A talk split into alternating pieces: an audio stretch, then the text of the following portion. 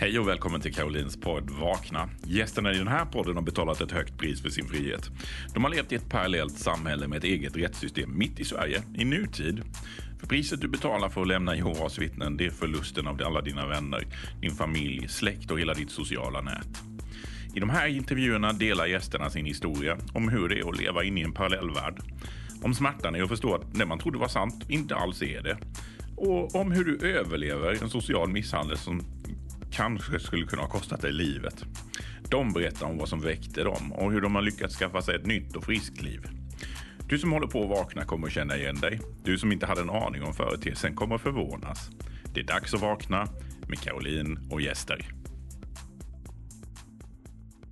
Hej och välkommen till ett nytt avsnitt av Vakna med Caroline och gäster. Idag har vi Joakim från Stockholm på besök och vi ska prata om Jehovas vittnen, uteslutning, missbruk, återhämtning. Men framförallt hur man väldigt fort kan skapa ett nytt liv på andra sidan med hjälp av en teknik som heter Compassionate Inquiry. Och det är jag väldigt nyfiken på att höra mer om. Så välkommen hit Joakim. Tack ska du ha. Jag måste ju säga att detta här är faktiskt inspelning nummer två vi gör. Första inspelningen blev det från min sida så dålig ljudkvalitet så vi är tvungna att göra om den. Så jag ser jättemycket fram till att höra alla dina spännande berättelser igen. Vi får se om jag kommer ihåg något från förra gången. det är kanske är en helt ny story som du kommer att leverera nu. Ja, man vet aldrig. Joakim, berätta lite. Eh, vem är du? De som eh, är med i Hjälpkällan som är ett hjälpprogram för Jehovas vittnen på, eh, på Facebook kanske känner igen ditt namn. Eh, Joakim och även din bild här. Men eh, berätta lite mer om vem du är och vad du gör idag. Ja, ja jag bor i, utanför Stockholm i en förort som jag kommer ifrån. Jag jobbar som terapeut. jag håller på med den sista delen av utbildningen till, till terapeut som Compassionate Inquiry med den här modaliteten. Mm. Ja, jag lämnade 96. Så jag har varit ute ja. ganska länge. Eh, ja. Och ja, jag har två barn som är 11 år, tvillingar. Ja. Så har vi lite olika och vilken, roller. Ja, precis. Vilken årgång är det på dig? Är du 70, 80 eller 90? Jag är född 79. Född 79. Vi, då är vi födda i samma årtal i alla fall. Jag kommer inte säga om jag är yngre eller äldre än dig, men i alla fall födda i samma årtionde. Ja. ja, precis. Ja, men vad roligt. Ehm, du sa du lämnade 96. Då var du inte så gammal när du lämnade. Nej. Nej. Eh, vad, vad var det som berättade om din, din barndom? Eh, du har växt upp, kan jag nästan förstå, som ett Jehovas vittne. Ja, alltså i lite korta ordalag så här, så min mamma gick med samma år som jag föddes.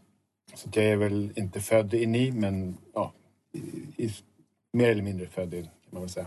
Ja. Eh, och eh, jag, har, jag har inte haft världens striktaste religiösa uppväxt som en, som en del har haft. Utan min mamma var alltid ganska... Vi, vi gick på möten och gifte sig med ett annat Jehovas vittne eh, när jag var fem.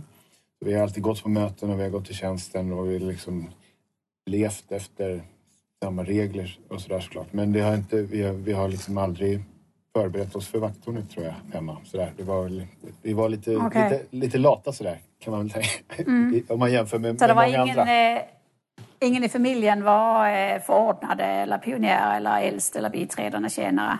Nej precis, vi var väl liksom ganska mm. vanliga. Inga ja. särskilda Jehovas men, men ändå Jehovas vittnen. Ja. Eh, men det där är väl, så det har väl, jag kom till skolan när jag började i ettan, sju år gammal och förklarade för mina klasskamrater att ja, Harmageddon kommer komma snart och alla kommer dö. Och, men eh, jag har en lösning här. Som, ni behöver, jag, jag kan berätta liksom hur vi ska lösa det här. Mm, uh, jättesmart. Och, ja, det var, jag hade väl väldigt goda intentioner. Lite naivt mm. kanske, kan man tänka då. Ja. Jo, eh, Men precis. jag hade liksom aldrig gått på dagis eller i förskola. Jag hade bara varit dagbarn hemma hos, något, hos några andra Jehovas-vittnen. Så jag hade väl liksom ingen... Ja, jag visste inte så mycket mer än så. Liksom. Det var, Nej. jag var väl glatt ovetande fram till det här kan man väl säga. Liksom på något sätt. Hur togs det emot? Alltså hur kändes det? För det, eh, ändå att först att börja i ettan är ganska sent att börja en, eh, eh, vad ska man säga, skolan. De flesta börjar i alla fall nollan. Så det är nästan som om att du började lite på minus från början. Ja, alltså jag hade väl liksom ingen direkt koll på hur liksom man skulle... Att man kunde bli retad och såna saker. Jag var väl ganska oskyldig, liksom, ganska naiv. Säga. ja. Nej, alltså jag var väl liksom mobbad från dag ett kan man säga. Mm. Eh, och jag ville liksom... Ja, jag, jag hade väl gått där i några månader när jag kom hem till min mamma och sa Jaha, måste jag, måste jag gå dit nu i nio år? Liksom? Jag fattade direkt Ja. att jag måste, liksom, jag måste gå dit och det är inget mer med det. Jag bytte skola Nej. några gånger och sen så bytte jag skola till en... Och så gick jag i samma klass som en av mina kompisar som också var i USA-sitten. Så då var vi två i alla fall. Mm. Men det var liksom alltid... Ja, man, fick, man kände sig aldrig med på något sätt. Och det var liksom... Ja, jag kände mig alltid som en outsider kan man väl säga. Men gjorde det att det var lättare för dig att komma in i församlingen och, och ty dig till, till eh, de eh, vännerna som fanns i församlingen och de aktiviteterna som fanns i församlingen? Ja, alltså jag hade väl, vi, vi var väl ganska många barn i min ålder i min församling. Så jag hade liksom ett par eh, polare som jag umgicks med. Så jag, hade, jag var ju liksom inte alldeles ensam så på något sätt. Verkligen inte. Men det var ja, man var aldrig en del av, av det där andra. Liksom. Det, det bidrog ju till ett utanförskap på något sätt. Sen så har man väl en viss gemenskap från, från Jehovas vittnen då. Men Och det är ju klart, ofta så är det ju så här att när det inte är något som lockar någon annanstans så blir det ju att det kan locka på, eh, eh, på församlingens sida istället. Ja, alltså jag var väl inte så jättelockad av det heller. Det var väl liksom mycket... Alltså jag, kom väl, jag har kommit på i, i terapi nu långt efteråt att ungefär vid fyra, fem års ålder så förstod jag att, att Gud ser vad du tänker. Eller det här konceptet med att Gud vet så att man kan, det räcker med att tänka något fel. Så det räcker med att tänka att man ska ta den här snickersen på Ica. Så har man liksom redan begått en synd. Så det där har jag givetvis förstått långt efteråt. Att då fick jag liksom lära mig att att- att- att- förneka saker. Och förneka mig själv på ett väldigt djupt plan och bara säga nej, men jag, jag mår bra, jag är glad och det är si och så. Och bara inte känna efter liksom. Som, som det, som, men ja, jag, jag gick i skolan och, och liksom härdade väl ut det där. Eh, och jag, jag tyckte hela tiden att ja, men jag behöver inte... Jag brukade liksom hålla på och tjafsa med lärare så här, från, från ganska tidig ålder. Så där, men jag är inte så intresserad av det här för jag ska liksom... Det här, det här applicerar inte till mig för jag ska bo i paradis på jorden för alltid. Jag behöver inte lära mig om andra världskriget eller om de svenska kungarna eller vad fan det nu var för någonting. Liksom. Jag, behöver inte, jag behöver inte hålla på med det här. Det är ingen idé liksom. Så att det var ju liksom... Jag, jag lärde mig Ja, några saker lärde jag mig väl givetvis. Men jag var liksom inte intresserad av det. Jag hade liksom, nej men jag, det här är, varför ska jag lära mig det här liksom? Jag kommer inte ha någon nytta. Vem bryr sig om Karl XII liksom? När vi bor i ett paradis på jorden. Så här, varför, liksom? Eh, nej, men det, det är ju klart att det blir ju många tunga år i skolan när man, eh, när man börjar på minus ett och sen bättrar det sig inte. Därför det finns inte riktigt några verktyg för att bättra det. det blir, jag vet inte om du var mycket sportintresserad och du egentligen ville gå på sportaktiviteter. Men om inte annat så är det ju de andra typer av gemenskap med sleepovers och eh, kalas och allt det här som, som man ju inte är med på. Nej, precis. Och jag, jag, kunde aldrig, jag ville ju alltid spela fotboll och det kunde jag aldrig göra. Jag fick inte spela fotboll och, och, det var väl... Ja, ja, det, det hade väl med organisationen att göra att jag inte kunde vara med i lagsport och så här. Ja, nej, men så det var många olika gemenskaper som, som man liksom inte kunde komma med i. Helt enkelt. Eh, Men ja, så kom jag upp till... Jag var väl ändå liksom ganska... Eh, liksom, ja, jag visste ju inget bättre så jag tyckte väl att det var okej.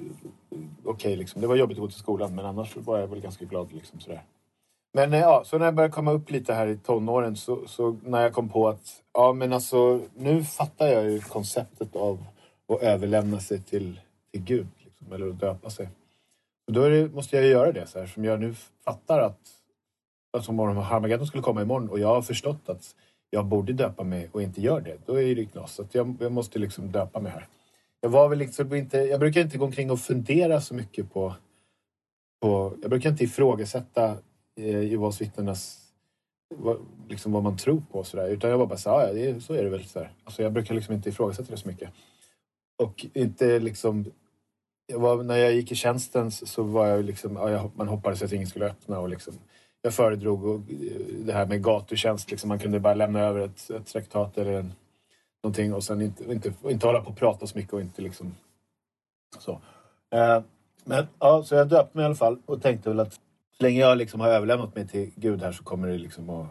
Ja, resten får väl liksom lösa sig. Jag, jag gör det i alla fall. Så är jag på rätt spår. Mm. Liksom. Hur gammal var du då? Då var jag 15. Det var där i, i Okej. Strängnäs, i den där stora hallen som de hade där. Mm. Eh, och jag hoppades väl att det skulle liksom... Det var väl ganska...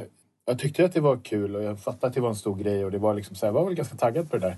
Men när jag kom upp ur vattnet så var det, alltså så hade jag liksom en superpanik ångestattack. Benen började skaka och jag, hela min kropp började skaka och jag, jag hade liksom en röst som bara, nu, det där skulle du inte ha gjort. Det där, vad, vad, vad har du gjort Nej. nu? Liksom? Bara, usch, typ.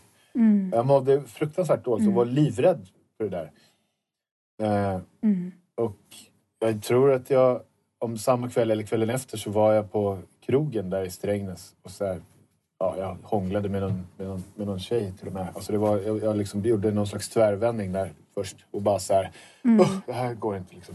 Hade du levt den typ av dubbelliv innan? Eller var det liksom som reaktion på dopet du gjorde det? Nej, det var en reaktion på dopet skulle jag säga. Så lite sådär, vi hade väl druckit lite, liksom, lite bärs sådär, men, men liksom med, med, inte med massa världsliga människor utan med liksom, det var jag och mina kompisar som jag hade vuxit upp med som hade liksom, såhär, druckit några öl i bastun. Liksom, i, Ja, ja. privat, Ja. privat så att säga på något vis. Inte gått ut och träffat massa andra människor. Man kan säga du var ju inte så gammal heller. Du var väl ja, du 15, 15 år. Så 15, det, mm. Man kan ju kanske inte ha hunnit så mycket dubbelliv än när man är 15. Man har knappt blivit en tonåring. Nej, alltså vi hade väl liksom så här, Jag hade väl tjuvrökt några gånger kanske. Och, så- så här, lite, så här. Men, men oftast med mina Jehovas vittneskompisar fortfarande. Det var, jag hade liksom inga andra, inget Ja. annat umgänge. Så. Men eh, ja, så Då är det okej. Ja, alltså det, det, det liksom i någon slags... Ja, precis. Ja, nej, men det blir väl lite som... Man är ju fortfarande i någon slags skyddad verkstad liksom. Om man liksom... Men det är konstigt för så hade jag det också när jag växte upp. Så gick, jag tyckte det var jättekul att klubba, eller diskotek hette det på den tiden. Men det, då gjorde jag det alltid med Jehovas vittnen. Och på något sätt så kändes det, nej men då är det okej. för då är vi en liten bubbla som går in på klubben och så har vi jättekul och vi dansar och, och sen går vi hem. Då, då kändes det inte, alltså jag kanske inte sa det till så många men, men då kändes det annorlunda när man gjorde det i en sluten, en sluten klubb. Ja, det är lite så här... Det är inte... Ja, då är det någon annan som har gjort det också. Då det, man kanske inte går över... Jag vet inte, det är någon slags gräns Nej. på något sätt. Jag vet inte riktigt. Ja, precis, precis. Ja. Jaha, men så det gjorde du på dopet. Och vad, vad hände sen? Ångrade du dig och gick till de äldste? Eller vad? Nej, inte... För, för, för just det där, det, var, då, det, det gjorde jag, det sa jag inte så mycket om. Men, men några månader senare när jag började gymnasiet så började jag på... Eh, eh, ja. Eh, och då gick jag ut med några klasskompisar eh, och drack eh, öl. Och så träffade jag en tjej och sen så blev jag av med min oskuld. Eh, och när jag vaknade upp där, det var, hade jag väl gått i gymnasiet i två veckor kanske, eller något, två eller tre veckor. Så då när jag vaknade upp så var det liksom en fruktansvärd ångest och fruktansvärd skam och liksom, ja, nu har jag liksom, nu har jag gjort det här när jag varit döpt och det här är liksom, så då gick jag till de äldste. Och så berättade jag om det här, vad jag hade gjort och liksom hur det hade gått till och allt det här. Eh, och de, deras reaktion, hade de reagerat så här, aha, här kommer en, en, en ung man som, som liksom mår psykiskt dåligt och, och varit liksom trevliga och schyssta, då hade jag kanske inte lämnat Jehovas vittnen. Men de var ganska Nej. krassa. De var bara så här, "Ha, ja, det hade man kunnat förvänta sig liksom, av, av en sån som dig. Och det var liksom, de hade en, ja, det var en jävligt risig attityd om man ska liksom se ur ett mänskligt perspektiv. Men man kan säga så här bara, om man bara stoppar upp här. Nu vet jag inte hur gamla dina barn är, men jag har en dotter som är 14. Om man säger att den första sexuella upplevelsen, att den blir så... eh, Dels är det, du var väldigt ung ju, när du, alltså jämfört även med någon som inte är Jehovas vittne, Ja. att, eh, att ha din första sexuella upplevelse. Men sen att, att sen därefter ladda det med skuld och skam och sitta och prata med, med andra vuxna män omkring det. Ja, nej, det, är, Det är ju- det är ju helt makabert. liksom. Alltså väldigt kränkande för en, ja, det är väldigt kränkande för en ungdom. Ja, syn... Man ska nog vara gjord av tufft material för att är det inte på något sätt bli påverkad av det? Ja, alltså jag hade väl fått gå och eh, prata med de äldste vid ett x antal tillfällen tidigare för annat, andra saker jag hade hittat på. Som jag, jag vet inte om jag behöver gå in på det, men det var väl liksom så här hångel kan man väl kalla det för eller något liknande. Så med någon, någon stackars äldste dotter som hade fått sitta i grupp med sin, med sin pappa och berätta om, om vad vi hade gjort. Liksom. Sen när vi, då var jag väl inte mer än 13 kanske. Ja.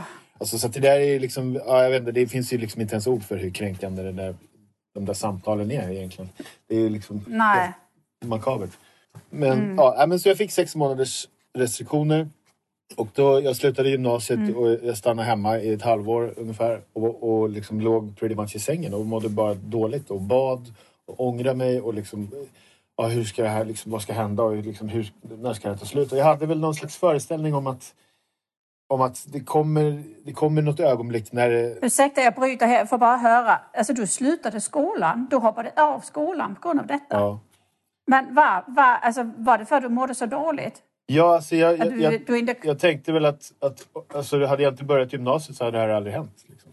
så, du, så du började ge skolan skulden Ja. äh, äh, med, dina, med umgänget och så vidare? Ja, hade jag liksom inte Ja. gått ut med de här klasskompisarna. Jag känner fortfarande den där killen jag gick ut med häromdagen. Jag träffade honom många år efteråt faktiskt.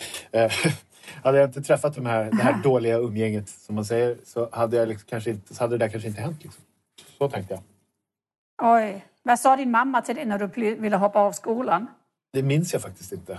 Alltså jag fick alltid bestämma såna Mm. här saker ganska själv. Om, om jag var så här, "Nej, men nu vill jag göra det här, då, då backade hon det. Och det liksom, hon har alltid varit Okej. väldigt understödjande. Eh, Ja. Vad jag har velat hitta på sådär. Men ja, ja men, Så man kan säga en sak är ju att, att, att ungdomen mår dåligt men sen har sin ungdom hemma. eh, För det är ju inte så mycket... Alltså, kunde du jobba eller var du bara hemma då? nej, jag, var bara, he- jag var bara Eh. hemma och gjorde liksom ingenting. Jag var, låg mest i sängen Och hjälp. och, och, och mådde dåligt. Men det var ju, du, du gick ju igenom en riktig depression. Ja, det var, jag mådde fruktansvärt dåligt. Liksom. Eh, Ja. Och jag hade väl liksom någon förhoppning om att någon dag så skulle det där släppa och jag skulle kunna sluta, sluta må dåligt. Och att det skulle bara vara så här, ja men nu har du liksom lidit tillräckligt för din synd här. Typ. Alltså någon sån, jag väntade Mm. liksom på att det skulle bli någon, någon förändring, liksom. någon extern slags förändring. Att det skulle kännas bättre helt plötsligt. Att Gud skulle liksom... Men var det, ingen, eh, var det ingen äldste som tänkte det här, nu har det gått överstyr för den ungdomen, nu får vi ju hjälpa honom så han Nej, har tag i skola och liv och så igen. nej, verkligen inte. Nej, det Så du bara gick på möten och du fick ingen hjälp, du fick ingen stöd, ingen samtal, nej ingen samtal. ingen klapp på axeln. Ingen sånt, nej. Tvärtom så är det... Det är ju helt absurt. Ja, tvärtom så är det ju restriktioner. Så att istället, man kan ju, nu kan man ju tänka att om, om det är någon som mår dåligt eller om det är någon som gör något dumt på grund av att de mår dåligt så skulle man ju vilja att de blir inkluderade. Liksom. Om en familjemedlem mår dåligt, då exkluderar man inte den. Då inkluderar man ju den. Alltså, det är Nej, liksom nej. det här med alltså, ja, det är liksom, ja men det är väl så, det är så stora delar av Mm. den här organisationen är uppbyggd. Liksom. Den ska, det är med skräck som man ska, Det är ju fruktansvärt. För det kan ju inte, man, så, när man är så ung så har du ju inte verktygen till att, att dra upp sig själv. Nej, Eh, precis. Och då, eh, nu fanns ju kanske inte BUP på den tiden, med, för du hade ju behövt egentligen en ungdomspsykolog eller en kurator att prata med Ja, jag hade för att, att hantera detta. hjälp. Ja, absolut. För dig så var det ju hela din värld som hade rasat ihop. Ja, jag hade precis begått en dödssynd. Liksom. Det här det är, ju, det är ju faktiskt fruktansvärt att höra hur det påverkar en, en ung 16-årigs liv. Ja. Det, hoppa ur skolan och stoppa utbildning och bli deprimerad och ligga i sängen ett halvår. Mm. Det, det är väldigt omskakande. Men okej, du, eh, där gick ett halvår. Vad hände sen efter det här halvåret? ja, sen kom jag liksom fram till till slut att det här är liksom, det här är inte hållbart. Jag kan inte, hålla, jag kan inte ligga kvar här i sängen och inte göra någonting. Alltså jag är bara ett barn Nej. och jag har begått ett misstag Mm. och jag, liksom, jag ångrar mig väldigt mycket och jag förstår varför det var fel. Eller ja, med, med den indoktrineringen som jag hade. Och liksom, jag vill säga, Mm. varför, varför förlåter inte Gud mig? Vad är, det liksom, vad är det som händer? Det finns ju liksom ingen... Det är ju ingen kärlek här. Liksom, I det här, i det här, i den här. Och jag fick, det var ingen hjälp från församlingen som, som du påpekar. Och, jag, och så, så sa jag till slut till mig själv så här, nej men hörru du Joakim. Alltså, det är okej. Du begick ett misstag. Alltså det är okej. Du, släpp det här nu. Du, kan, du, liksom, du behöver inte... Du, du liksom, nu räcker det. Och då när jag Mm. gjorde det så började jag liksom må väldigt mycket bättre i samma ögonblick. När jag bara, men alltså, jag förlät mig själv. Det var egentligen det jag behövde Mm. göra. Jag behövde förlåta mig själv. Det var ju liksom inte Gud som Ja. skulle förlåta mig. Det var jag som skulle förlåta mig själv. Och när, så fort jag gjorde det Mm. så mådde jag liksom bättre. Och, och då blev jag istället jävligt arg. För att jag tänkte så här, men alltså, för jag fattade att det är ju jag som skulle förlåta mig själv. Det har inte, vart, vart är Mm. Gud? Gud har inte med det här att göra. Det är liksom, det, Gud verkar ju inte existera. Liksom. Vad fan är det som händer? Liksom? Så då gick jag till de äldsta igen och bara, nej, nu, jag skiter i det här. Jag vill inte vara med om det här mer. Jag drar. Ni får, jag vill inte vara med. Nej. Och då var det en, en äldste som, han är ju en, en, liksom, en ungdomsvän till min, till min mamma. Så de hade känt varandra liksom i många år innan det här också. Och innan de gick med i Jehovas vittnen. Mm. Och han var också bekant med min, med min biologiska pappa som jag aldrig hade träffat i, i, det, här, i det här laget. Så jag sa, när jag sa Mm. Nej, men jag tänker lämna, så här, då spände han ögonen med mig och sa han, du kommer bli precis som din farsa. Du kommer bli en knarkare, en kriminell och en dålig människa. Och, där, där, där, där. och jag var bara så här, alltså vad säger du? Liksom? Känner du min pappa? För jag har nämligen aldrig träffat honom. Ja, han är liksom... Ja. Och, så här, och det där var ju också bara så här, det var ju som, ja det var liksom någon drog undan mattan på en. Man bara, alltså, är liksom, hur kan man ens, hur kan man, hur kan man säga så till, till ett barn? Liksom? Det är ju liksom, det, Det är ju fruktansvärt. ja det är helt Alltså sjukt att, faktiskt. att, eh, att när du inte ens har träffat din pappa. Mm. Nej, så att jag, då, jag, jag stormade liksom ut därifrån. Och Ja, det förstår jag. tänkte att nej, men det här är liksom, ja, jag måste ju göra något annat med mitt liv. Liksom. Eh, och sen så, Mm. liksom, så, och det var ju, nu, nu för tiden så finns ju Google och Facebookgrupper och det finns väldigt mycket information om, om Jehovas vittnen. Liksom mycket så Mm. kallad apostate literature. Eller liksom människor som har lämnat. Det där ordet är väl, alltså det är väl ett kul ord men, men det är fortfarande deras ord kan jag tycka. Människor som har lämnat, som har fått Mm. upp ögonen för att vad det faktiskt är. Hur den här organisationen fungerar. Mm. Och liksom hur, att, den, Mm. att det är en kult. Liksom, eller en sekt eller vilket Mm. ord man nu vill använda så är det liksom en väldigt high controlled organisation. Det är en väldigt ohälsosam miljö Extremt. om man säger så. extremt ohälsosam. Mm. Men då, 1996, så fanns det inte så mycket information om det här. Och, jag vill Nej. också säga att bara för att den här informationen finns nu så är det kanske inte helt lätt om man har vuxit upp som inte var sitt att ta till sig den här informationen eller ens läsa den. Men den finns i alla fall där, tillgänglig, när man liksom kommer till den punkten Mm. att man känner att man vill göra det. Ja. Ifall det är någon som lys- Mm. lyssnar på det här som, som, som inte har lämnat den. Eller så där. Den finns där. Och det finns gott om den. Mm. Mm. men då fanns det så att jag funderade liksom inte så mycket på... Jag, jag bara, nej men nu, jag, jag, liksom, jag tänkte jag får, jag får börja om här liksom. Jag får skaffa mig ett nytt liv med nya kompisar. Mm. Och, så här. och sen så det tog det väl ungefär tre månader tills de skulle läsa upp det här på, i, i församlingen. Eh, och det gjorde de den 24 december 1996. Så på julafton. Mm. Så jag spenderade dagen där Mm. på att ringa runt till alla mina kompisar som jag hade vuxit upp med. Och jag hade liksom ganska mycket polare runt om i Sverige. Så, så jag ringde runt till alla de här och Mm. sa adjö och hej då hör av er om ni, om ni lämnar och kommer ut. Jag drar liksom. Jag tänker inte vara med om det här längre. Så det var en extremt känslomässig dag liksom med ja, en väldig massa sorg. Det är en ganska makaber sak att säga adjö till sina vänner på det sättet. Man, ja, speciellt när du är så ung, när kompisar är allting. ja. Och du hade alltid varit lite utanför i skolan och du hade slutat skolan så var det ju det du hade kvar. Det var de i, ja. i församlingen.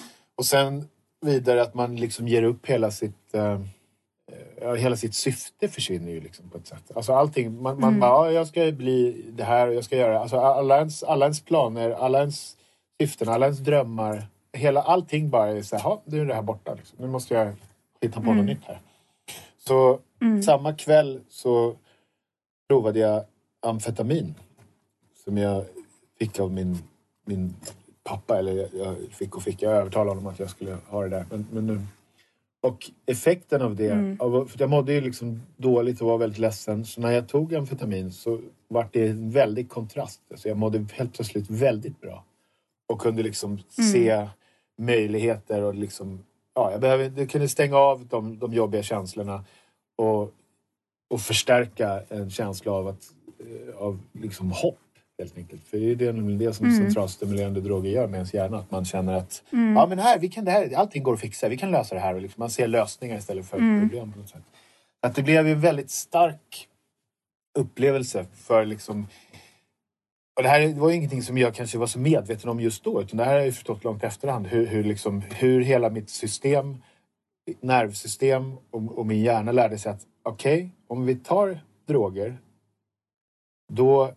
Alltså det blev som ett hjälpmedel liksom, för, att kunna, för att kunna existera. För att kunna, för att kunna överleva och känna, känna som om man lever. Även om man nu kanske... Det går ju att diskutera om man lever eller inte när man tar en massa droger. Men, men ja, det, kändes, det känns som man lever i alla fall. Eh, så det jag, liksom, jag, jag, jag la liksom ner Jehovas vittnena och så plockade jag upp droger som en, som en krycka eller som ett, som ett hjälpmedel. Liksom.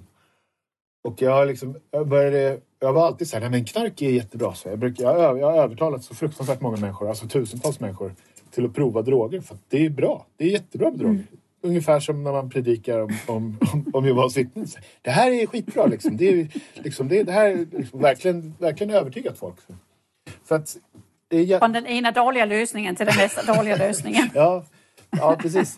Alltså, exakt så. Liksom. Det tog, det, Men man kan ju säga att man kan säga religion när det är som högst är ju som en fix. Ja, ja. Du, får liksom, ja. du får ett emotionellt rus och du är en gemenskap och det är mm. sång och det är musik och det är liksom allting löser sig. Vi gör det här tillsammans. Det är ju egentligen detsamma som, som då ett, ett, ett, droger kan göra också. De, de lyfter upp dig direkt utan du behöver göra det själv till Absolut. en högre frekvens. Alltså jag kan ju tycka nu att det var ju... Alltså jag, hade, jag, jag, var, jag hamnade hos socialtjänsten det var något år efter det, eller något halvår efter att jag hade blivit ute eh, sluten eller att de hade lagt upp att jag, att jag ville lämna. Eh, så fick jag gå till socialtjänsten för att jag hade någon... Ja, det hade kommit in någon slags orosanmälan på att jag hade tagit knark och sen så fick jag gå dit och så frågade de så här, jaha men liksom, har du tagit knark här liksom? Och jag var så här, ja jo, jo, jo men, men alltså vidare så har jag faktiskt lämnat Jehovas vittnen. Så här. Det är liksom en, en, en sekt som jag har lämnat alldeles själv. Kan man få någon slags hjälp med det? Kan man få någon psykolog eller, eller jag vet inte vad ni har för någonting. Har ni någonting att erbjuda som man kan, någon man kan få prata med? Eller liksom? Jag vet inte riktigt hur, jag vet inte hur jag mår riktigt. Så här. Jag vet att jag är väldigt glad för att jag har lämnat. Liksom. Jag, har gått ut, jag har lämnat det där bakom mig. Mm. Så kan man få någon hjälp med det? Så, nej, vi har ju liksom inga... Vi vet inte vad för slags resurser det skulle vara. Vi, nej, nej. Så att jag, det var liksom bara så här, ja du får pissa i den här koppen. För att visa att du inte tar droger. Ja. Det var liksom den enda hjälpen som, som erbjöds. Sådär, mm. när man, så, så jag hade väl med, jag hade med socialtjänsten att göra i två och ett halvt år. Och fick gå och lämna massa, massa ja. prover och sen så till slut så började jag på någon på så här, Ja, den är väl ganska en sån här värstingskola. Den där som skickade massa folk på kryssningar. Fast jag började året efter de slutade med att skicka folk på, på kryssningar. Så jag fick aldrig någon kryssning. Ah, okay, yeah. Men ja, så jag liksom gick där. Men, men det var också det var hur jag hanterade det där nu i efterhand. är så här, alltså jag, jag hade lyckats lämna den här auktoritära organisationen som den är, den extremt auktoritära organisationen. Och sen så kom socialtjänsten. De hade väl också en, liksom en god intention egentligen, men de var också väldigt... De skulle mm. bestämma över mig. Du måste du göra så här, du måste komma hit mm. de här mm. tiderna. Du får inte liksom dricka öl för du är under 18 och, får, och så vidare. Och så vidare. Och jag var ju bara så här, men alltså nej! Alltså, jag tänker inte samarbeta nej. med liksom. det, var ju liksom, det fanns ju liksom inte... Alltså jag kunde liksom inte göra det. Det var bara som en, en stor revolt alltihopa. Så jag hade med dem att göra ganska länge. Mm. Jag hade LVU och så. Mm. Och sen så fortsatte det liksom på den, på den vägen. Uh, I 23 år så tog jag, använde jag droger som, ett, som en överlevnadsstrategi kan man väl säga. Ja. Jag tror ju liksom att... Och egentligen det som du hade behövt det var att bearbeta den upplevelse du var med om som 16-åring. Ja, eller hela uppväxten. Om, liksom, det, det, mm. det som är problemet... Nu, nu jobbar jag ju som, eh, som, som terapeut med, med mm. för detta Jehovas. Och några av de sakerna som är liksom, som, som alla som jag pratar med, och jag pratar med ganska mycket människor. Alla, alla, jag pratar med väldigt massa människor för jag har, håller på att starta olika grupper och så här. Så jag pratar med en väldigt massa människor och hör deras vad de har för upplevelser och vad de har för problem som, som, liksom, som kvarstår långt efter. Det är, det är många i mina grupper som har lämnat för 20 eller 25 år sedan. Som är, de är i min ålder, de är i 40-årsåldern och de har lämnat i tonåren. Och de har liksom inte förrän nu kommit på att alltså det är så mycket saker som finns kvar i mig. Alltså massa, ma, mm. massa rädslor och, och massa olika saker som gör att jag lever mitt liv på ett visst sätt. Så jag känner mig liksom Jag lever fortfarande mitt liv som om jag vore ett Jehovas vittne. Kanske inte helt och fullt, men, men på vissa plan. Liksom. Och det är väldigt Mm. svårt att komma åt de där sakerna. Så man, man behöver liksom bearbeta eller åtminstone bely, alltså lära kä- känna igen de här mönstren eller programmeringen eller vilket ord man vill använda. Alltså, vad är det egentligen som händer? Ja, alltså de här paradigmerna som, som, som, som läggs ner i oss från 0 till 7 år, de är ju så starka och de är så hårdprogrammerade så det händer ingenting automatiskt med dem om inte man gör någonting åt det eller går ner genom hypno- hypnos. Det finns många olika tekniker för att komma ner och, och plocka ut de dåliga. Men, men man tror ibland att om jag tar bort en yttre faktor som ju Jehovas vittnen är så löser det sig. Men det gör det inte. För, för, för problemet ligger, är liksom la- planterat i oss. Eller mönstren är planterade i oss. ja, det, För de mönstren måste ju ändras, inte bara en yttre faktor. Nej, alltså och den här terapiformen då som jag... Det är den som... Jag, jag åkte... Jag kan avsluta det andra där. Så jag åkte efter att ha tagit droger i 23 år. Eh, alltså lite upp och ner sådär. I vissa perioder bättre än andra och vissa väldigt mörka sådär. Men, men till slut så slutade de liksom att fungera drogerna överhuvudtaget. Alltså det vart liksom bara värre och värre. Och det var liksom en, en, en tung depression som infann sig. Så jag var färdig och jag stod liksom och tittade på tåget flera nätter i rad. Så liksom, här går tåget, ska jag hoppa här? Och, liksom, och sen så bestämde jag mig för okej, men jag måste i alla fall prova en gång och, vara, och försöka bli nykter. Eh, innan, jag, innan Ja. jag tar livet av mig. Om det inte funkar, då, då kan jag gå och ta livet av mig då. Så då Mm. har jag återigen min, min mamma som alltid har liksom gjort sitt allra bästa för att hjälpa mig. Hon tog ett banklån och så åkte jag iväg på ett behandlingshem i, i Skottland. Och när jag hade varit där någon månad så fick jag en bok av någon som eh, Gabor Maté hade skrivit som handlar om, om beroende. Eh, Into the realms of hungry ghosts etc. Eh, och då förklarar han vad, hur, vad är det egentligen som händer i, i, hos en människa med ett beroende. Vad är, vad liksom, varför, varför väljer man droger framför sin familj, framför att ha ett, ett bra liv, framför sina barn och så vidare. Vad är, det liksom, är det för att man är liksom dum i huvudet eller det liksom, finns, det någon, finns det någon förklaring till att man tycker att, att droger eller alkohol eller vilket beroende det än är egentligen är, är så himla viktigt. Liksom. Vad, är det, vad, är det, vad, är, vad, vad gör drogerna? Det är inte så här varför tar du droger utan så här, vad är det som... Vilket, hur mår du där under? Vad, är, varför, vad, vad, är, vad gör drogerna för dig? Vad får du ut av det? Vad är det positiva med att ta droger? Mm. Om man då ser på det på ett sånt sätt istället, som det, så kan man göra med Jehovas vittnen också-. Vad får man ut av att vara med i Jehovas vittnen? Förutom då, alltså man får ett hopp, man får en mening, man får en gemenskap. Och, man, och när Du får svar på alla dina frågor. och svar på alla dina frågor. ju- Och enkla svar på alla frågor Ja, du får, ja, du får ju en frihet från att tänka själv och fatta beslut själv. Och det kan vara ganska skönt i en värld som är tuff. Ja, Att sluta, att jag behöver inte bestämma någonting. Nej, precis. Utan är jag osäker så pratar jag med de äldste, kollar i litteraturen, så har jag ett svar och så är det det. Ja. Och då har man inget ansvar heller, för då är det, nej men det är ju de som har rekommenderat det. Det gör lite ont, men, men det är nog det bästa. ja precis. Och, och droger är ju liksom likadana. Alltså det fungerar på allt. Ja. Mm. Alltså till, i, i, i en viss tid i alla fall. En viss period. Ja. Så är det, liksom, det löser ju alla problem. Så, så det var väl... Mm. Men ja, eh, så när jag förstod då att hans idé är att det är någonting som, som saknas då. Som, gör, som, man, som Mm. man fyller med hjälp av droger eller religion eller liksom shop, alltså vilket beroende som helst egentligen. Så man kan Mm. komma på vad det är liksom, vad det är som är fel från början och, och man kan liksom läka den delen av sig själv. Då blir ju den andra lösningen religion eller droger eller vad, vad det nu är. Den blir då inte, den är inte nödvändig längre. Då behöver man inte den längre. Nej, precis. Men det, är det, det, är det får man liksom inte lära sig som ett Jehovas vittne. Man får inte lära sig att ta hand om sina känslor. Man får inte lära sig att känna efter. Man får inte lära sig, ja nu, nu är du ledsen. Ja, men alltså är du ledsen, du vet, ja, men du vet, du måste ju vara tacksam här, Gud. Liksom. Du måste jobba lite hårdare. Och Det är så här, det är, man, man, får ju liksom, man blir uppmuntrad att inte känna efter. Man ska ju, Ja, det blir ju alltid sagt att vi är lyckliga folket. Är vi inte lyckliga var här, är det inte bra att vi går ut i tjänsten och sen är man lycklig efteråt. Och känner du inte så, nej men det är klart, då, nej men det vill ju inte jag säga, alla andra känner sig glada så det är någonting fel på mig. ja, precis. Då är det så att om känslorna inte matchar det som, som ges dig så är det någonting fel på mig. Mm. Då måste jag ju öka min andlighet eller ödmjukhet eller vad det är för någonting. Ja, precis. Och det där är ju liksom... Mm. Alltså, och sen vidare det här med att, att ens hjärta är ute efter att, lura en och det är Satan som försöker locka en genom att man ska liksom känna massa saker. Alltså hela det där, alltså det är liksom en, en, en ett fel att uttrycka sina känslor. Ja, det är väldigt, väldigt, det är väldigt, väldigt ont. Jag tror inte de äldsta bröderna vet om det, men rent toppstyrtmässigt så är det ett väldigt ont sätt att separera människor från sig själv. Ja. Att, eh, för du, du tappar kontakten med dig själv på det sättet. Ja, precis. Och då är det ju lätt och då blir det ju väldigt lätt att leda ett helt folk om du kortar den här självkontakten. Exakt.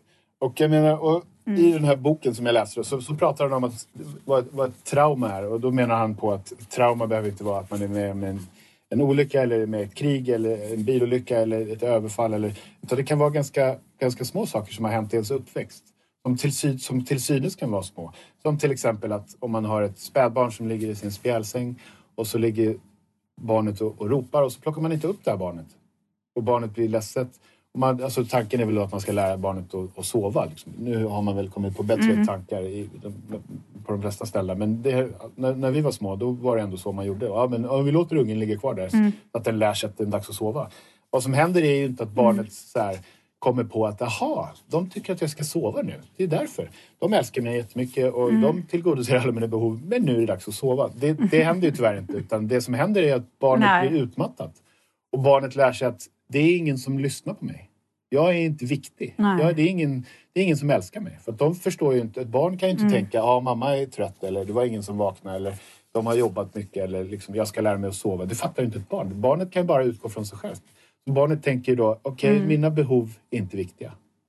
Inte med så många ord mm. kanske eftersom det är ett litet barn. Men det är den känslan, det är den känslan som sitter mm. kvar.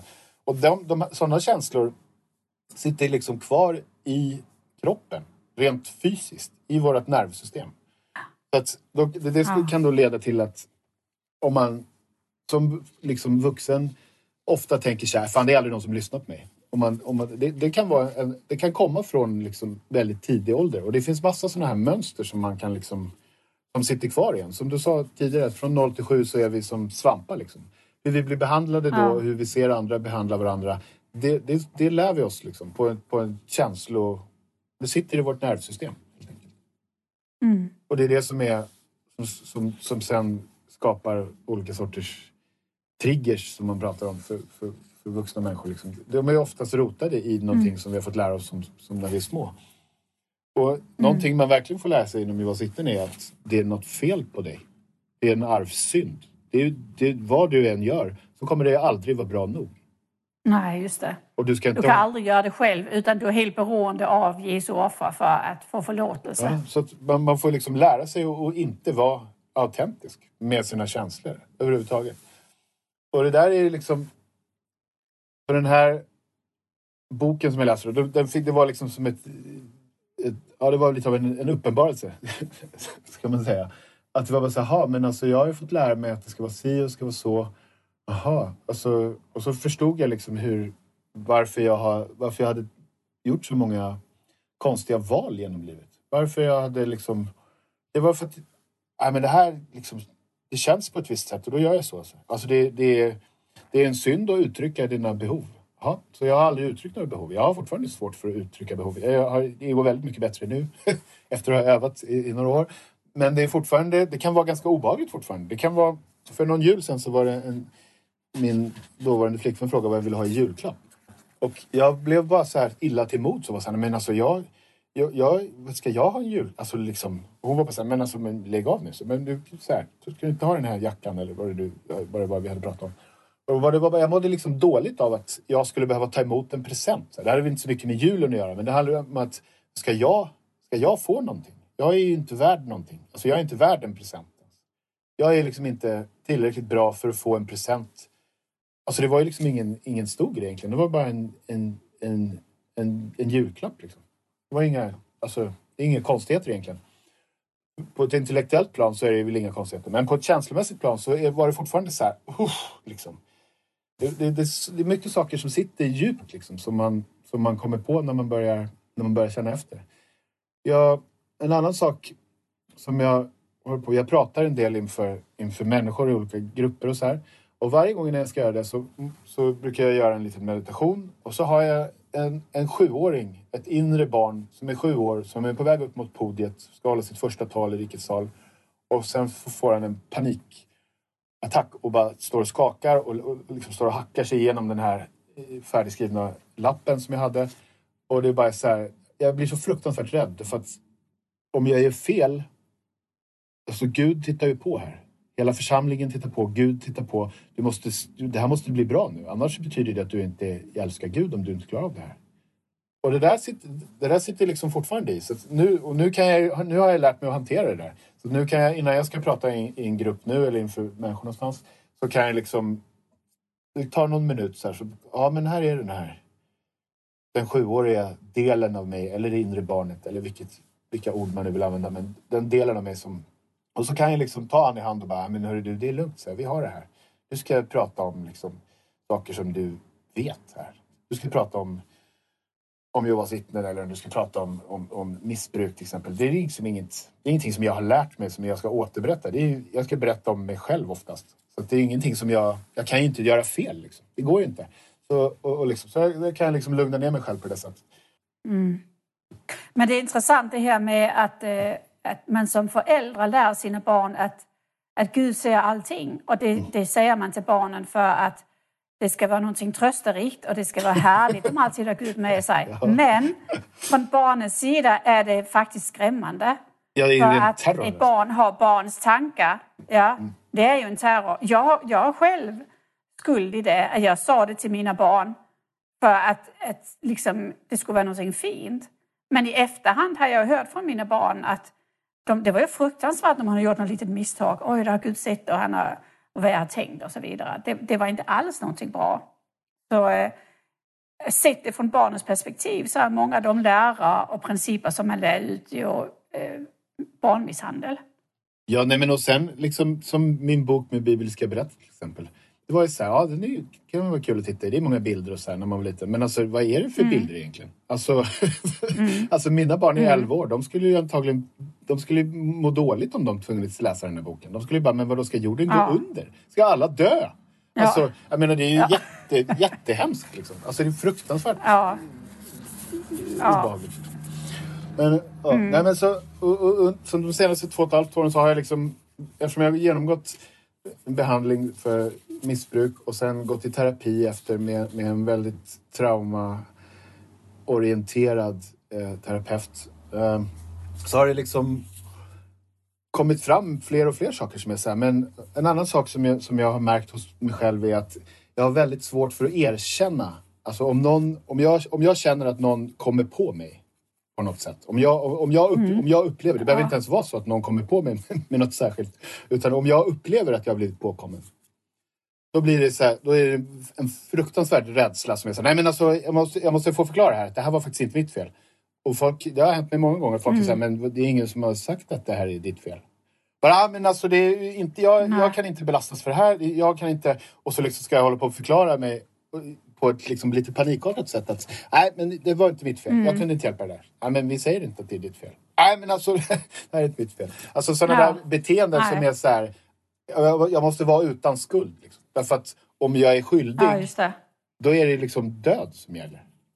Alltså, och det är inte ja. min, min intellekt, på ett intellektuellt plan så är jag ju fullt medveten om att det är inte så här. Men känslan i kroppen är fortfarande Nej. liksom terror, skräck. Ja, just det. Ja. Och sådana här saker... Men berätta... Ja, förlåt. Ja. Mm. Ja, nej, men och, och sådana här saker är, är, är liksom väldigt svåra att, att, att, komma åt. Och man, går, man, man kan gå i, i pratterapi och det kan ju vara hjälpsamt på många olika sätt och det finns många olika sätt att göra det på. Det finns många olika sorters terapeuter. Men oftast så hjälper det liksom tyvärr inte riktigt. Man kommer liksom inte åt de här Nej. problemet som, är, som, som sitter i kroppen. Liksom. Det sitter i ens nervsystem. Nej. Det är liksom en fysisk sak som man, som man behöver komma åt. Och det hittade jag då med... med ja, förlåt.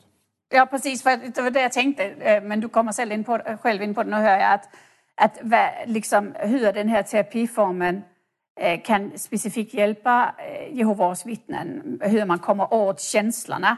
Men eh, jag ska inte avbryta dig. Förklara du. Ingen fara. Ja, nej, men så vad den går ut på är att man, man, man, eh, man fokuserar på vad som händer i kroppen. Vad är liksom, om, om du skulle berätta för mig så här. Ja, du vet, när... Jag, jag kan ta ett exempel från en av mina, mina grupper som, som precis har avslutats. Då var det en person som kom in i gruppen och så hade som, som intention, det som hon ville liksom titta på och, och undersöka lite mer, var att när hennes man eh, sa till henne någonting så här, ja på lördag ska vi gå och fika med grannen i 3B. Då kunde hon inte säga nej. Utan hon bara så här, ja visst. Hon sa alltid ja till sin man. Vad det än var, även om det var, Mm. det behöver inte vara något liksom jätte... Han, var, han är väl snäll liksom. Det var inte så att han skulle tvinga henne att göra massa saker som hon inte ville. Men hon sa bara ja hela tiden. Automatiskt. Ja, ja visst. Och så avbokade hon då liksom sina andra saker som hon hade att göra. Eller liksom av, avboka sina skift på jobbet för, för att kunna gå och fika med grannen. Liksom. Bara för att hennes man sa det. Eh, och hon var ju så här, alltså jag är så trött på det här. För att jag, liksom, jag, jag säger ja, ja, ja. Och sen så efter ett tag så känner jag att jag liksom mina gränser har blivit helt invaderade här och, och liksom jag liksom, varför gör jag som han säger och det är hans fel och där, där, där. Och så hade hon liksom förstått då att men det har ju med, det har en, hon kom också från en, en väldigt religiös familj, en Jehovas vittnesfamilj. familj Eh, USA, så det, det var också en, en del våld i den här familjen. Men det var liksom väldigt, det var mycket bibelverser medan man fick stryk och liksom sådär. Eh, så hon ville liksom komma, hitta den där Alltså hon måste kunna... Hon, hon, hon har fått lära sig att, att sitta kvar då. Men vad händer då när din man säger så här? Ja, på, fredag, på lördag ska vi fika med grannen här. Ja, då, kom, då så bara, ja men det är en känsla. Jag får en känsla i, i, i bröstkorget liksom. Det är som ett tryck så här. Ja, okej. Så i en, i en grupp där det, liksom, det finns en viss nivå av trygghet. Det är andra människor som har, som har upplevt liknande saker. Så det finns en väldigt... Det är som att man håller space, liksom, eller tillåter space. Där, man, där man kan uttrycka sina autentiska känslor. Det är liksom det som är... Det är faktiskt intressant det som du säger här, för det har jag också haft väldigt svårt för, att säga nej. Ja. Om, om, jag har aldrig tänkt på att det är någonting som kan vara sektrelaterat, att man sätter sig själv åt sidan hela tiden till god, alltså för, för andras bästa. Ja. Nej, för, och det är också lite, lite, lite, lite tvegat det där. För det är, väl, det, är väl, det är ju generellt sett en fin egenskap. Att kunna sätta sig själv åt sidan för att hjälpa andra. Det finns på ett plan... Mm, till en viss gräns, till- ja. På ett plan, på ett. Det beror på vem, vem man är när man gör det. Om Mm. du gör det på grund av rädsla för att Gud ska straffa dig eller för att församlingen ska tycka att du är, dålig eller whatever. Då är det ju en dålig sak. Men om du gör det för att du genuint vill göra det, så är, då är det ju jättefint. Så det beror helt på, på från vilken plats. Om man gör det från sitt autentiska... Jag, jag tycker det är knepigt att sitta och säga ja, gör det här från ditt autentiska jag. Det låter lite löjligt. Men, men, men det finns liksom någonting i det där. Att om man kan göra någonting för att man verkligen vill det. Eller om man gör det utav en, utav en traumarespons. Alltså, så här måste jag göra. Eller för att man tycker att men mina behov är inte viktiga. Ja. Nej, men det är klart jag gör det. Dina behov är viktigare än mina behov. Om nu det är bara att jag ville Ja.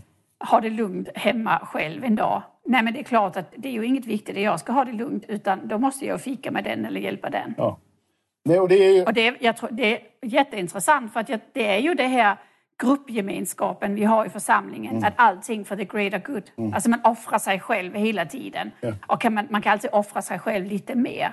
Man ska bära sin tortyrpiller, man ska säga nej till sig själv. Ja, det ska vara det är ju jobbigt, liksom. inmatat i oss. Det ska vara svårt. Ja, det ska göra ont, det ska vara jobbigt, vi ska göra det för andra, vi ska, vi ska tjäna eh, och bära våra tortyrpålar. Eh, men men eh, det tar ju knäcken på en, för man får aldrig tid för sig själv. Nej. Och det är alltid fel att prioritera. Men nu vill jag faktiskt bara ta det lugnt en dag och göra ingenting.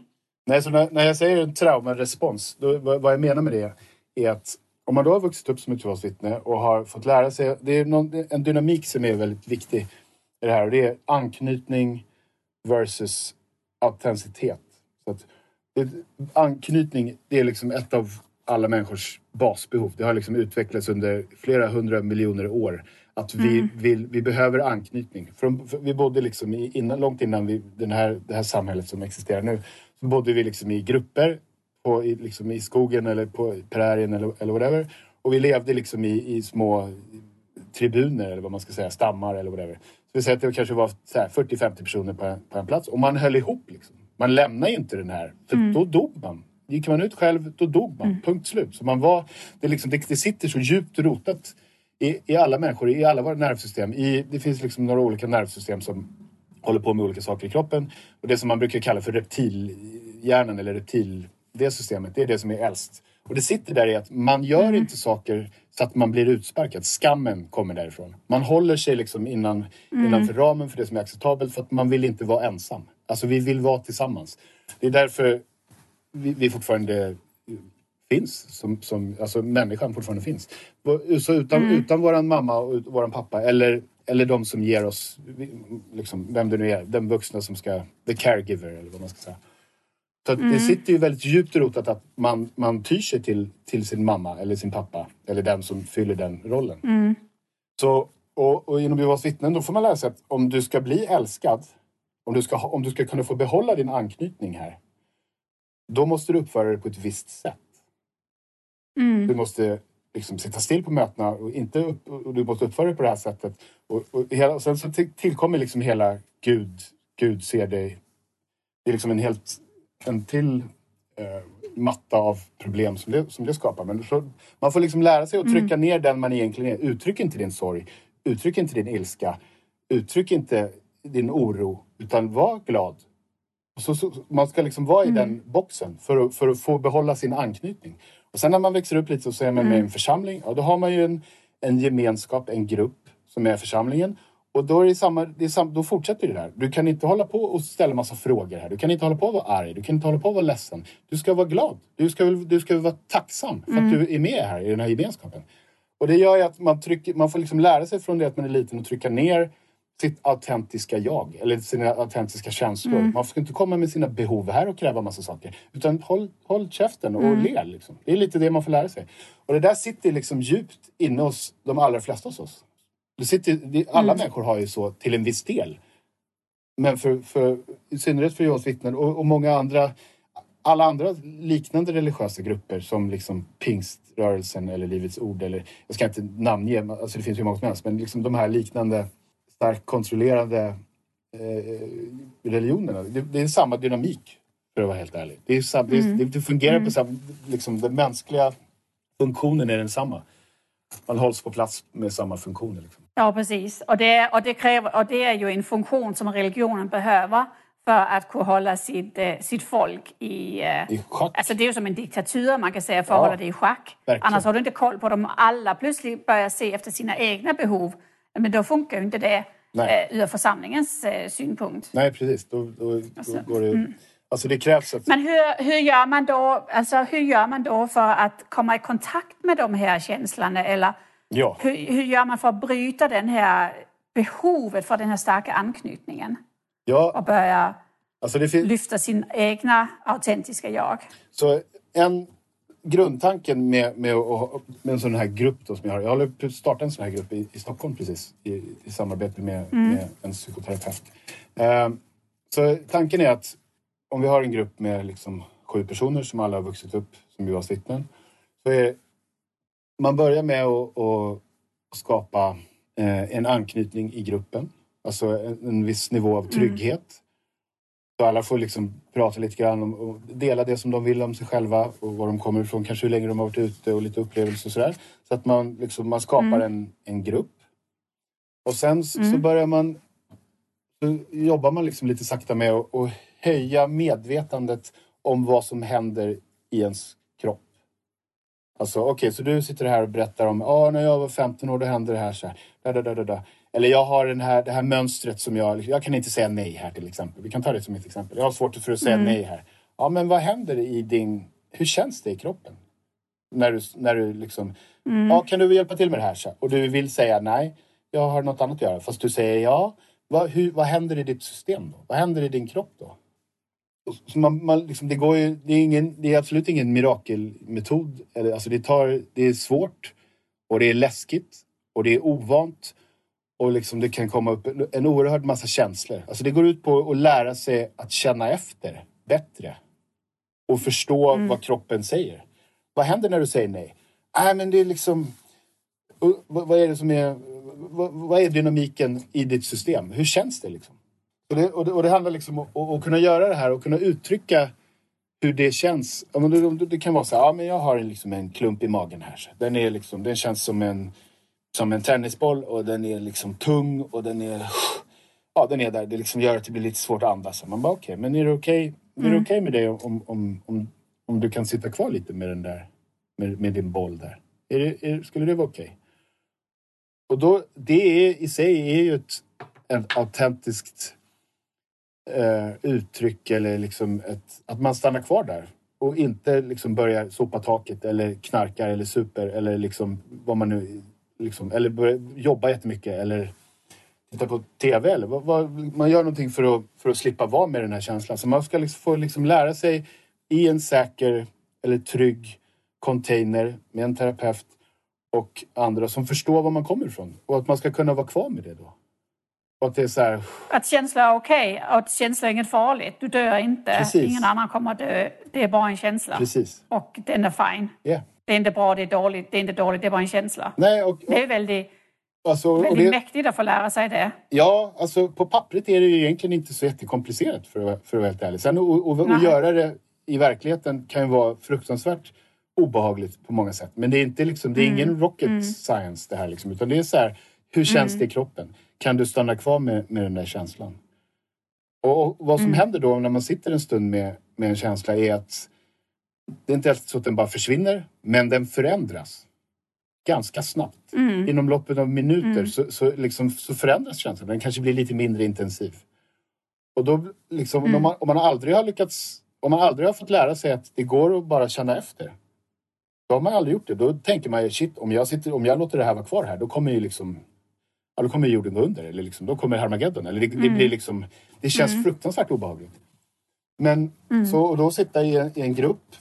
Och en annan sak som, man, som gruppen också ger är att om man inte har blivit sedd ordentligt för den man är och fått alla sina behov tillgodosedda på ett, på ett Alltså det, man brukar prata om att man ska spegla sina, sina barn. Liksom. Om, om ett litet barn sitter och, och, och gråter, då ska man säga ja, jag ser att du är, är ledsen och det är okej okay att du är ledsen och så här, men det, det, det, kommer gå över och så här. Ger dem en liten, ja, man tar upp det och klappar lite på ryggen och så här.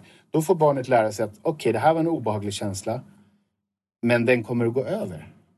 Barnet kan inte, mm. Barn kan inte lära sig det här själva utan det är, liksom en, det är någonting som vi som föräldrar eller som de som tar hand om barn ska lära barnen. Det är, så det är från ett nervsystem mm. till ett annat egentligen. Man behöver egentligen inte säga så mycket. Mm. Utan man är så här, om det är, en ung, om det är ett litet barn som skriker på ett flygplan så här, då kan man höra folk bara ja. Alltså det är så här, ja, vi mm. hör dig, vi ser dig. Och du, det, det gör mm. ont eller det är liksom, men det kommer bli bra. Och så får, då får man liksom lära sig det. Har man aldrig fått lära sig det som barn, vilket man inte får som ett Jehovas vittne. Det är klart att det Nej. finns föräldrar som har gjort eh, liksom, olika insatser för sina barn, även Jehovas vittnen. Självklart. Men, men ja. samtidigt så är det så här, ja. du ska inte hålla på att vara ledsen här. För att Gud, du ska vara tacksam och du ska vara glad. Liksom, ja. Det är det budskapet man liksom har fått hela tiden. Då är det otroligt mm. svårt att lära sig att hantera sorg eller ilska eller, eller vad det nu kan vara för känslor. Att, att få lära sig mm. det i en grupp. Och, och kanske, kanske, kanske, ofta är det någon som, som liksom bryter ihop, låter väldigt starkt, men liksom som kanske börjar gråta eller, eller liksom som börjar visa känslor. Alltså jag känner mig faktiskt jag är faktiskt livrädd. Liksom. Här nu, Ryssland invaderar Ukraina, det, mm. det gör mig livrädd. Jag blir liksom, tänk om de hade rätt då. Om man då kan säga, ja men kan vi sitta kvar lite med den här känslan? Och så är man i ett rum mm. där alla fattar grejen. Alla bara, men vi, jag fattar. Mm. Jag kanske inte, vi, ens historier kan liksom skilja sig åt lite, ganska mycket. Men våra basaffekter, människans basaffekter, det är inte så många och vi delar dem allihop. Så om man får sitta i ett rum, om en person är sårbar och säger ja, men jag blir faktiskt rädd när, när jag kollar på nyheterna. Liksom. Och det, jag, blir liksom, jag blir livrädd, jag blir fruktansvärt rädd. Bara att kunna uttrycka mm. det i ett rum med människor där alla fattar vad man pratar om. Och ingen dömer mm. en och det är bara så här, ja tack ska du ha för att, att du vågar dela mer av det här. Bara i det så finns det liksom mm. en oerhörd läkande kraft får man nog nästan kalla det. Alltså det, är liksom, det finns ett mm. att kunna uttrycka och, och, och, bli sedd. Det som man inte det som man inte fick i en relation som liten, att bli sedd och kunna uttrycka sina känslor. Det, kan den här, det är tanken att den här gruppen, att den ska liksom trauma som har uppkommit i en relation kan också lösas i en relation. Och det är det den här grupp, Mm, det. gruppen ska vara, ska vara till för. Hur snabbt gick det för dig när du kom åt den här terapi? Hur, hur snabbt vände det upp, upp och ner på ditt liv? Alltså jag skulle säga att första gången jag läste om det här så var det så här, aha, det var lite av en aha-upplevelse. Så här, wow. Och sen så har jag liksom, jag, jag får ju fortfarande, det är inte så att jag är, är, är nu är jag frisk och klar och kry och, och jag har aldrig några problem. Utan jag kan ju fortfarande ha känslor som kommer upp. Men däremot så har jag nu lärt mig, jag har hållit på med det här i två, två år. Och nu kan jag liksom märka, som jag, som jag sa tidigare, när, som jag pratade om eh, när jag ska prata inför folk. Då kan jag liksom känna att aha, där är den där, den där delen av mig själv, den här obehagskänslan. Och så kan jag liksom ta hand om den själv. Och jag vet hur jag ska hantera den. Jag ska bara, ja men tjena, här är lilla Joakim som är sju år. Och så kan jag liksom Du behöver inte ta en sup för att hantera det. Nej, eller, och, det, och, det tar, och, det tar, och det tar liksom en minut eller ett par minuter. Mm. Istället för att det ska liksom förstöra hela min dag och jag ska gå omkring och liksom vara i, i ett, um, alltså i ett, i, i ett fight eller flight-läger i, i, i kroppen. Liksom. Just det. Eh, så att, alltså, jag skulle väl, om man säger om man skulle säga sex månader så var det, det var en oerhörd skillnad. Alltså en väldigt stor skillnad på hur jag kunde liksom... Från början så hade jag liksom inget språk för att beskriva vad som... Om någon bara, "Ja, hur känns det i kroppen? Så skulle jag bara, vad fan snackar du om? Alltså inte fan vet jag hur det känns i kroppen. Vad är det dummaste jag hört? Lägg av. Medan jag nu har liksom lärt mig ett, ett, ett språk eller ett, ehm, ett, en ram för vad, hur, vad finns det för olika, vad kan hända i kroppen? Ja, det kan vara tryck, det kan vara en klump, det kan vara varmt eller kallt. Eller liksom, alltså jag har liksom ett, ett sätt att, att observera vad som sker i min kropp. Och det här programmet, det, det, till, det ska också ge en ett, ett sätt. Hur titta, vad, vad betyder det? Liksom? Ja, hur, känns det, det? hur känns det för dig nu? Och man bara, va? Vadå? Så, jag vet inte vad du menar med det. Det får jag ganska ofta. Det är så, ja, men liksom, är det varmt eller kallt? Eller är det, är, det en, är det en spänning i axlarna? Eller i käkarna? Eller är det avslappning? Eller är det liksom pirrare? Eller liksom, bara, och, och få lära Ja, sig det. ett sätt att förhålla sig till sin kropp är liksom en stor del av, av arbetet för att sen kunna säga, "Aha, nu istället för att säga så, ah, jag blir så, ja, nu är jag så jävla arg. Eller så här, ah, nej, men nu, nu, nu upplever jag ilska. Liksom. Jag, börjar, det här, det, jag, jag, jag känner att det, är- det här är inte okej. Då kan jag komma till, man, kan liksom, man vill komma till en plats där man kan välja hur man ska agera istället för att bara reagera. Det är väldigt intressant för det här det, det påminner mycket om NLP, neurolinguistisk programmering, Mm. som också går ut på att alla känslor eh, har ett fysiskt uttryck i kroppen. Ja. Alltså känslor kan du känna och du kan, du kan också manipulera dem. Om du känner det går ena hållet så kan du ta det andra hållet eller du kan ändra färg på det eller du kan göra det mindre om den är väldigt stor. Alltså man läker med känslan som nästan som i fysisk form. Eh, så det- är ju intressant när man tittar på de här olika terapiformerna att mycket av det känner man igen i varandra, även om man kallar det det ena eller andra eller tredje. Ja, jo, verkligen. Äh, äh, Och sen är det väl, här är det väl att visst, visst kan man gå in och, och liksom ändra. Och det, det kanske inte alltid är passande och så här. Ja, hur känner jag egentligen nu? Man kanske står liksom på jobbet. Då kanske man inte kan säga ah, jag måste ta fem minuter här, jag måste gå och känna efter hur det här känns. Det kanske, det kanske det är inte alltid så, så passande. Men liksom, om, man, om, man bara kan, om man bara vet att man har en, en plats där man kan man kan säga, ah, nu börjar det kännas underligt, det här är underligt. Ja, man kan då till exempel, vad jag uppmanar människor att göra är att kanske skriva en rad i sin telefon. Bara, eller ett ord. Ja, 12, onsdag, lunch, klump i magen. Ja, och så kan man titta på det sen.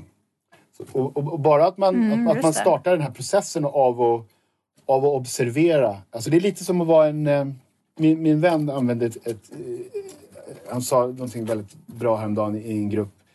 Eh, så här, det är lite som att vara en väderperson. Vad heter det? Väder, meteorolog? En väderpresenterare. Ja, precis. Meteorolog. Ja. Ja, Som står och pekar på kartan så här. Jaha, i Sundsvall idag ska det regna och vara 37 grader. Och sen i Gävle. Så, så kan man lära sig och tänka på vad, är, vad händer i kroppen. Liksom. Ja, i vänsterfoten, då, då är det pirrar det liksom. Och högerfoten, ja den är iskall. Ja. Ja, och i magen, ja i magen är lite spänd där. Och, alltså, utan att liksom kliva in i de här nervsystemsresponserna och lära sig då och, och liksom förhålla sig till dem. Skapa en relation till dem.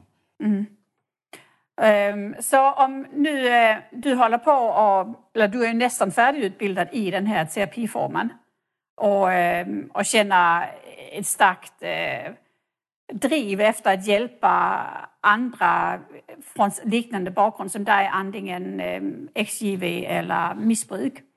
Så hur, hur gör man om man vill komma i kontakt med dig? Jag har grupper på engelska så man är välkommen att vara med på mm. om man mm. vill. De brukar vara lite sent för det är många olika tidszoner. Och sen håller jag på att starta en grupp i Stockholm, en fysisk grupp i Stockholm. Eh, så mm. om man vill komma i kontakt med mig, alltså jag gör, jobbar ju enskilt med, med människor också på ett väldigt liknande sätt. Det är bara det att grupper är lite mm. som Ja, det är lite som turboterapi. Om det nu finns, om det nu finns någonting som man kan mm. kalla för det så skulle jag påstå att grupper är det för att man får ut mer av det mm. på kortare tid på något sätt. Men jag jobbar också mm. enskilt med människor. Så att om man går in på eh, www.nb-sthlm.se New Beginnings Stockholm så är det, jag jobbar åt eh, New Beginnings Stockholm och jag har även min, mm. min mentor som jag, jag jobbar väldigt nära med henne tills jag är liksom färdigutbildad. Och hon är psykoterapeut, det är mm. hon som har New Beginning. Eh, mm. Eller så kan man gå in på min, an, min egna hemsida, som, den är på engelska visserligen, som är www.co-compassion.com. Mm. Eller så kan man bara följa mig på Insta om man vill. Joakim underscore le, underscore bollock underscore appell. Jag kommer att lägga in de här eh, kontaktuppgifterna i texten till eh, avsnittet. Ja, eh, både New Beginning Stockholm och även cocompassion.com mm. och din Insta-konto. Så jag har ju ofta väldigt många som kontaktar mig efter de här avsnitten där jag har haft någon typ av, av behandling mm. med. För det den ena känner det här kan vara någonting för mig och den andra känner någonting annat kan vara någonting för sig. Men mm. det är väldigt viktigt att man, att man kan få de här kontaktuppgifterna. För det är det som är hela syftet med min podd. Att, att sträcka ut alla, alla armar som finns att gripa tag i för så snabbt som möjligt att, yeah. att få igång sitt nya liv. Eh, och, och, och, leva på riktigt. Ja, för det är ofta svårt att hitta eh, någon, någon hjälp som är Alltså det finns något som heter RTS, Religious Trauma Syndrome, som en del människor känner till mm. och andra inte. Men det är väldigt svårt att hitta mm. terapeuter eller psykologer som, som har koll på, på den här dynamiken som man kommer ifrån när man har varit med i en, en religiös organisation som Jehovas vittnen eller något liknande. Jag tror det kan vara nackdelen med att bo i Sverige. Mm. Vi har väldigt många fördelar med att bo i Sverige, men nackdelen är att vi är så sekulariserade så man räknar inte religio religiösa trauma för någonting. För det är så, mm. Man tänker att vi är inte religiösa i Sverige, så det finns inte. Nej. Och därför så finns det så lite kunskap både på skolor och terapiformer. Mm. Alltså även lärare har ju väldigt svårt att, att connecta med barn som är i strama religiösa ja, organisationer. För att, ja, man, man vet ingenting om det. Sen så tillhör vi religiösa friskolor, men det är en helt annan konversation för en för en annan gång. Mm. Ja. ja, det är någonting helt annat. eh, men Joakim, eh, det var jättespännande att få, få lyssna på dig och vilket liv du har varit med om. Men det är så fantastiskt att höra att, att du har det bra och att du använder alla dina upplevelser som en styrka nu till att hjälpa andra. Alltså både en styrka för dig själv men också en styrka till andra. Mm. Och det är väl det som jag tycker är så fascinerande när man varit igenom jobbiga pass i livet. Att på något sätt så kan man se från andra sidan att det var nog en mening med det. För utan det hade inte jag kunnat ge detta till andra. Eller ge en räckande hand eller visa förståelse mm. för andra. Nej, och det blir också... Det blir ju väldigt fint. Det blir någon slags mening med, mm. med, med alla ens upplevelser också. Om man kan komma igenom dem och, och liksom förstå dem och och använda den erfarenheten till att, till att räcka ut en hand till andra. Det blir, liksom, mm, det blir, men, blir mening med, med saker som annars kan te sig väldigt menlösa på något sätt. Så det känns väldigt bra faktiskt. Mm. I så fall Joakim, om du känner att du är nöjd med detta så vill jag säga tusen tack för att du ville vara med på eh, eh Vakna med Carolina och gästa. Ja, tack själv för att jag fick komma. Vill du vara med i Vakna med Caroline och gäster? Att dela med sig av sina upplevelser kan frigöra en hel del blockeringar och hjälpa dig vidare i livet. Det är ofta helande och läkande att höra sig själv berätta vad man har varit med om och som man faktiskt har klarat av. Det är som en tung ryggsäck som man kastar bort för att gå vidare med nya och friska krafter. Besök reject.com och anmäl ditt intresse om du vill vara med. Knappa in r-e-j-e-c-t.com reject.com. Du är varmt välkommen.